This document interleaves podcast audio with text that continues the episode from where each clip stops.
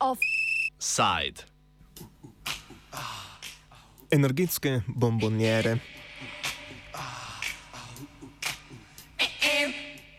Da v prihodnjem mesecu ali dveh ne bomo zmrznili, ob tem pa si bomo na koncu dneva na toplem in varnem v posteli še vedno lahko ogledali najljubše Netflixove serije, je vlada v soboto sprejela predlog dveh zakonov. Ta predvidevata omilitev posledic visokih cen energentov in dviga cen energentov v gospodarstvu in kmetijstvu. Tako je med drugim predvidena pomoč ranljivim posameznikom z energetskim voucherjem v višini 150 evrov. Ukrep bo državni proračun stal 106 milijonov evrov. Poleg tega od danes do aprila na položnicah ne bo plačila omrežnine ter prispevka za zagotavljanje podpor za obnovljive vire energije in učinkovitost, kar predstavlja dobrih 30 odstotkov položnice tipičnega gospodinstva. Načrtuje se še pomoč etažnim lastnikom pri nabavi zemljskega plina. Za polovico sta se znižali tudi trošarini za kurilno olje in zemljski plin za ogrevanje.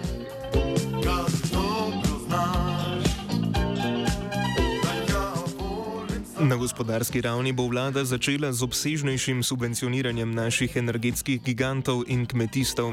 Zakaj je do energetske krize sploh prišlo, razloži profesor na Ljubljanski ekonomski fakulteti Bogomir Kovač. No, ta kriza je na eni strani rezultat nekih eh, dolgoročnih sprememb in trendov, ki zadevajo predvsem uh, to veliko energetsko tranzicijo. Eh, zlasti na področju eh, električne energije, kajti eh, ta zelena tranzicija je na eni strani skušala delovati v omejevanju virov, se pravi zapiranje termoelektrarn, zapiranje nuklearnih elektrarn in tako dalje, nadomeščanje seveda z tako imenovano trajnostno energijo, ki pa ni uh, adekvatna in uh, na drugi strani seveda povečano popraševanje in potrošnja. Uh, tako da to je rezultat, lahko bi rekli, nekih dolgoročnih trendov, hkrati so zdaj tukaj, je potem nastal še nek kratkoročni sunek, ki je nastal ob hitrem oživljanju gospodarstva in seveda so bile običajno ob to, tako imenovanih teh konjunkturnih sunkih eh, je ponudba eh, neprilagojena oziroma so prve reakcije potem zvišanje cen. Poleg velike tranzicije, s katero se spopada energetska industrija in ponovnega zagona gospodarstva po več zaprtih javnega življenja, je krizi botrovala tudi trenutna geopolitična situacija. No in tretji vidik je morda ta geostrateški, tako bi rekli, da vse, kar zadeva plina, uh, plačujemo pravzaprav neke oportunitetne stroške uh, strateških rivalstv med ZDA, uh, Rusijo in Kitajsko. Uh, to je cena, če bi zelo preprosto rekel, uh, najbrž vse, kar, Evrope, kar se Evrope tiče, pravzaprav ameriške NATO politike v odnosu do Rusije in na podlagi tega so potem tudi prišle te zaustritve, ki se pokažejo potem pri dobavi in seveda se potem pokažejo na trgu dela, torej na trgu energije. Prvi ukrep je torej energetski voucher v višini 150 evrov, ki ga bo prejelo 710 tisoč državljanov in sicer najkasneje do 20. aprila. Ukrep je bil sprejet prejšnjo soboto. Smiselnost energetskih voucherjev komentira Andrej Gnezda iz nevladne okoljevarstvene organiza organizacije Umanotera, ki dolgotrajnejšo rešitev energetske krize vidi predvsem v doslednejši stanovanski in ekonomski politiki. Zdaj, v situaciji, v kateri smo, so energetski voucherji nujno potreben ukrep. Gasimo požar, ki ga moramo pogasiti. Uh, vidimo, ljudje so v stiskah, imajo nenormalno visoke položnice, že zdaj živijo praktično v mrazu, protestirajo na ulicah in ta problem je potrebno nasloviti.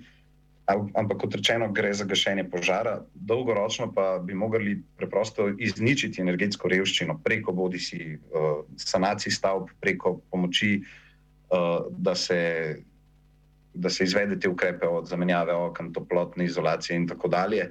In v Sloveniji smo imeli dolgo časa za ta namen rezerviranih 5 milijonov sredstev, ki jih nismo porabili, šele v zadnjih letih, ko so ta sredstva bila potem preusmerjena na ekosklad, so se te programi začeli izvajati.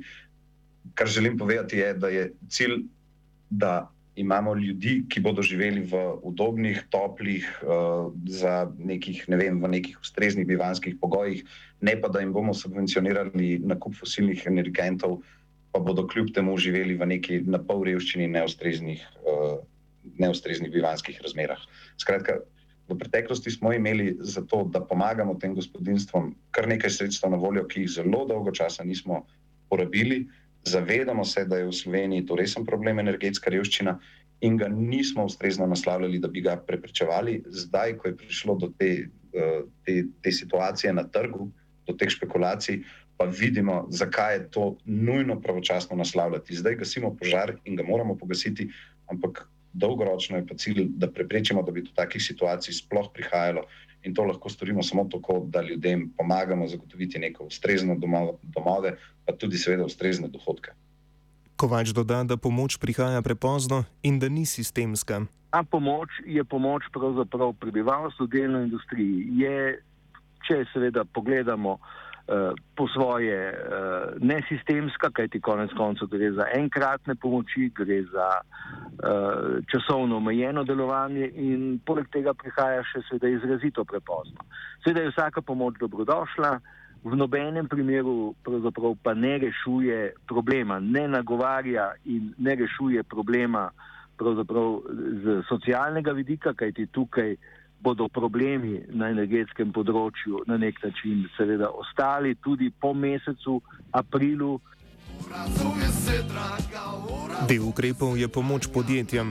Največ bodo dobile energetsko intenzivne industrije, kot so jeklarstvo in papirništvo.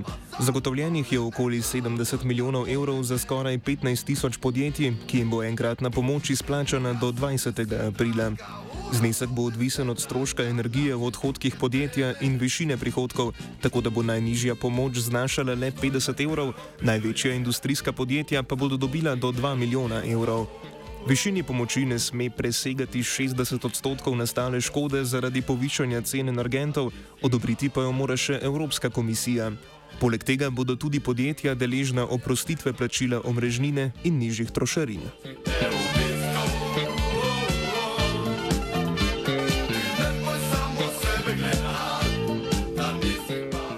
Do teh, recimo jim gospodarskih voucherjev, bodo upravičena podjetja, ki imajo vsaj pet zaposlenih in ki pred epidemijo, torej leta 2019, niso bila v težavah, ter so imela med odhodki v bilancah vsaj pet odstotkov stroškov energije. Pomoč bi po predlogu vlade prejela podjetja, v katerih so letos stroški energije v primerjavi z lanskim letom narasli za več kot 30 odstotkov.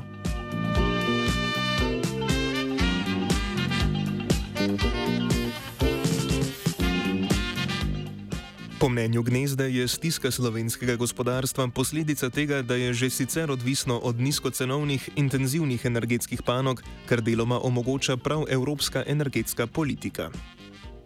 Tako OECD kot Evropsko računsko sodišče opozarjata, da je korelacija med tem, kakšne imamo dajatve trošarine na energente in kakšno, kako energetsko emisijsko intenzivno gospodarstvo imamo. In v Sloveniji imamo, kar, saj, kar se tiče električne energije, zelo ugodne cene za industrijske porabnike in kar je mogoče malo manj znano, smo v vrhu Evropske unije po tem, kakšen je delež energetsko intenzivnih industrij v naši gospodarski strukturi. Ali enostavno rečeno, kar pravi OECD, računsko sodišče, če imaš poceni energente za industrijo, imaš tudi veliko industrije. In na tanko to se v Sloveniji dogaja. In mi imamo že danes uh, zelo veliko olajšav, različnih vračil oziroma prostitev trošarin, nižjih stopenj CO2 dajatve, ove prispevka za industrijske porabnike. In seveda to pomeni, da imamo toliko, toliko več te industrije v naši gospodarski strukturi. Ampak ker gre Evropska unija na pot podnebne neutralnosti, krožnega gospodarstva, to pomeni, da Slovenijo toliko večja naloga čaka, toliko večji izziv ali pa težava, da bomo prestrukturirali to industrijo in dosegli te cilje, ki smo si jih zastavili kot članica Unije. In z politikami, kot je ta sedaj predlagana schema uh, subvencioniranja nakupa električne energije, če tako rečem, za največje industrijske porabnike, se oddaljujemo od tega cilja, namesto da bi šli v smer prestrukturiranja gospodarstva, prehoda v krožno gospodarstvo, v učink, energetsko učinkovitost v gospodarstvu, se s takimi politikami delujemo ravno v nasprotni smeri, se oddaljujemo od, od teh zadanih ciljev. Podjetja se bodo subvencionirala iz podnebnega sklada, ta pa se financira iz emisijskih kuponov, ki so v zadnjem času dosegli vrtoglavo ceno. Zato je tudi v skladu veliko več denarja kot v preteklosti. Podnebni sklad je sicer namenjen projektom, ki so okolju prijazni. Zakaj je subvencioniranje podjetij iz tega sklada problematično, pojasni Kovač. To je namenski denar. Namenski denar, ki je namenjen eh, področju, ki ga do zdaj eh, niti slučajno nismo dovolj razvili in okoliko seveda posegate eh, s političnim intervencionizmom eh, v takšen sklad, ne, ste ga seveda še dodatno eh, osiromašili in seveda tudi pokazali in nakazali, ne, kar je še morda pomembnejše, ne, da pravzaprav s to zeleno transformacijo, kakršnakoli že je, seveda ne mislimo preveč resno. Ne. Pravi ta prehod, ne, energetsko pravzaprav Eh, problematičnih industrij ne, in to uh, subvencioniranje je pravzaprav nekaj, kar je seveda, če nimate na drugi strani ne, dovolj sredstev ali pa niste dovolj postorili ob zeleni tranziciji, ne, energetski, seveda nekaj, kar je po mojem mnenju škodljivo. Če bi mi imeli tam na drugi strani že, lahko bi rekli, preseške ali pa uh, bi na nek način že zadostili ciljem, potem bi ta recimo energetska pomoč, ampak z zelo natančno definiranimi cilji, pravzaprav bila še morda smiselna. Ne? Najbolj zbodajo v oči imena 12 podjetij, ki jim je vlada podelila takšne ali drugačne olajšave. To so denimo slovenska industrija jekla, podjetje Talum in Impol, ki proizvajata aluminijaste izdelke, ter papirnici Vevče in Količevo karton. Gnezda izpostavi, da s koncentriranjem plina in ostalih energetskih virov v teh podjetjih nastajajo hude posledice za okolje. Cenovni signali industriji so ena izmed politik, s katerimi jo lahko spodbujamo, da se prestrukturira, da zmanjša svojo porabo, svoje emisije in tako dalje.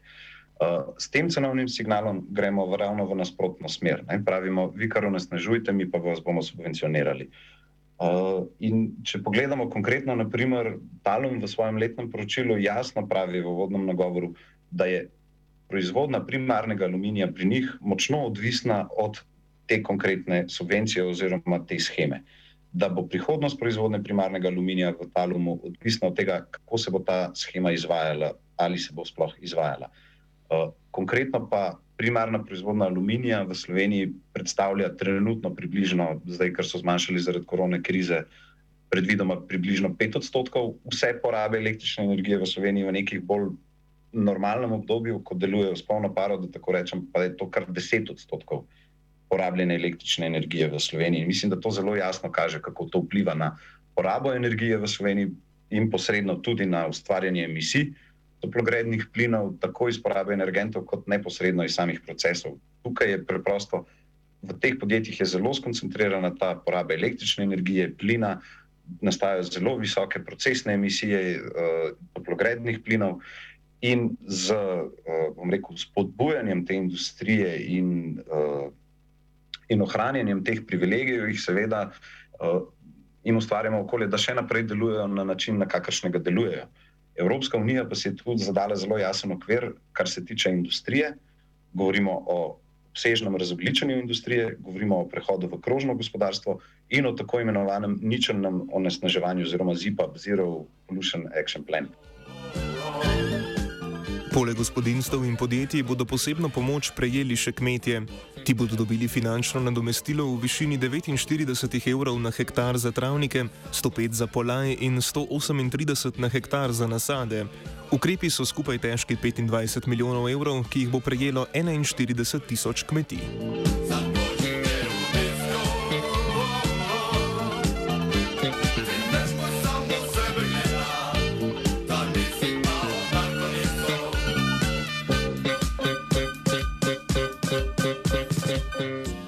Je torej dolgotrajna rešitev energetske krize?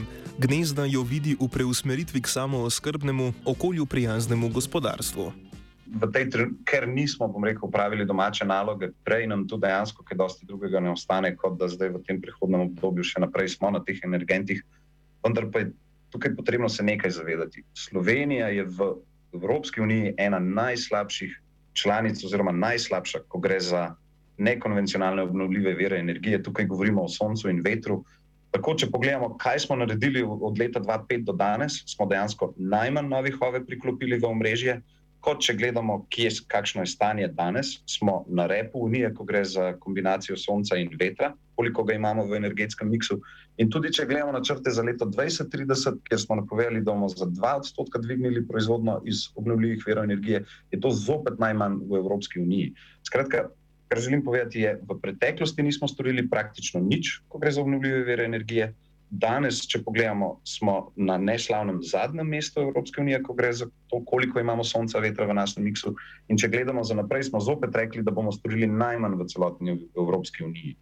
Edina resna rešitev za te zadeve pa je ravno prehod na decentraliziran energetski sistem, na obnovljive vere energije, tako v gospodinstvih, kot v gospodarstvu. In ravno tukaj smo najmanj storili doslej v Evropski uniji, in očitno tudi tako planiramo v bodoče.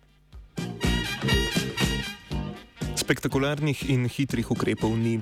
Če bi se hoteli izogniti kratkoročnim vplivom krize, bi morali imeti vnaprej pripravljeno energetsko sanacijo, ki bi po mnenju Kovača morala vsebovati različne ukrepe. Lahko bi seveda zamrznili določene cene, ne, kar bi bilo seveda morda najustreznejše, pa potem država seveda eh, nekako te razlike skuša eh, potem subvencionirati seveda eh, proizvajalcem oziroma nosilcem teh recimo energetskih storitev. Lahko bi se odrekli recimo določenim, za določeno obdobje recimo davščinam, tako kot danes zdaj recimo ne, določenim oblikam obrežnin, trošarin in tako dalje. Vse te ukrepe bi lahko za neko obdobje štirih, petih, šestih mesecev v recimo mesecu novembru eh, sprejeli in potem seveda definirali sej v petih, šestih mesecih neke pogoje delovanja, hkrati univerzalno seveda razbremenili, jasno, eh, vse subjekte, ne, eh, ekonomske, ki so porabniki in seveda tiste, ki so pri tem na nek način odeleženi eh, v teh različnih verigah storitev ali pa proizvodn, bi morali seveda tako ali drugače stvari subvencionirati.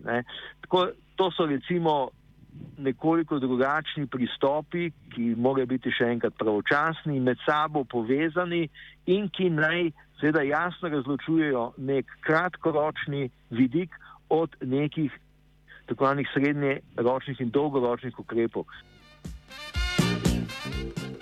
Energetska kriza bo tako še nekaj mesecev najverjetneje stalnica v vsakodnevnem življenju. Raje kot za sistemske rešitve se je vlada odločila za enkratno izplačilo solidarnostnega zneska, pri tem pa spregledala veliko ljudi, ki bi jim ta znesek prišel prav.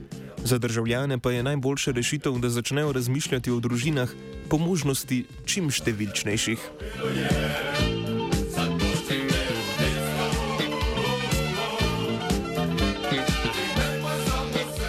Offside sta spisala Žan in Matej.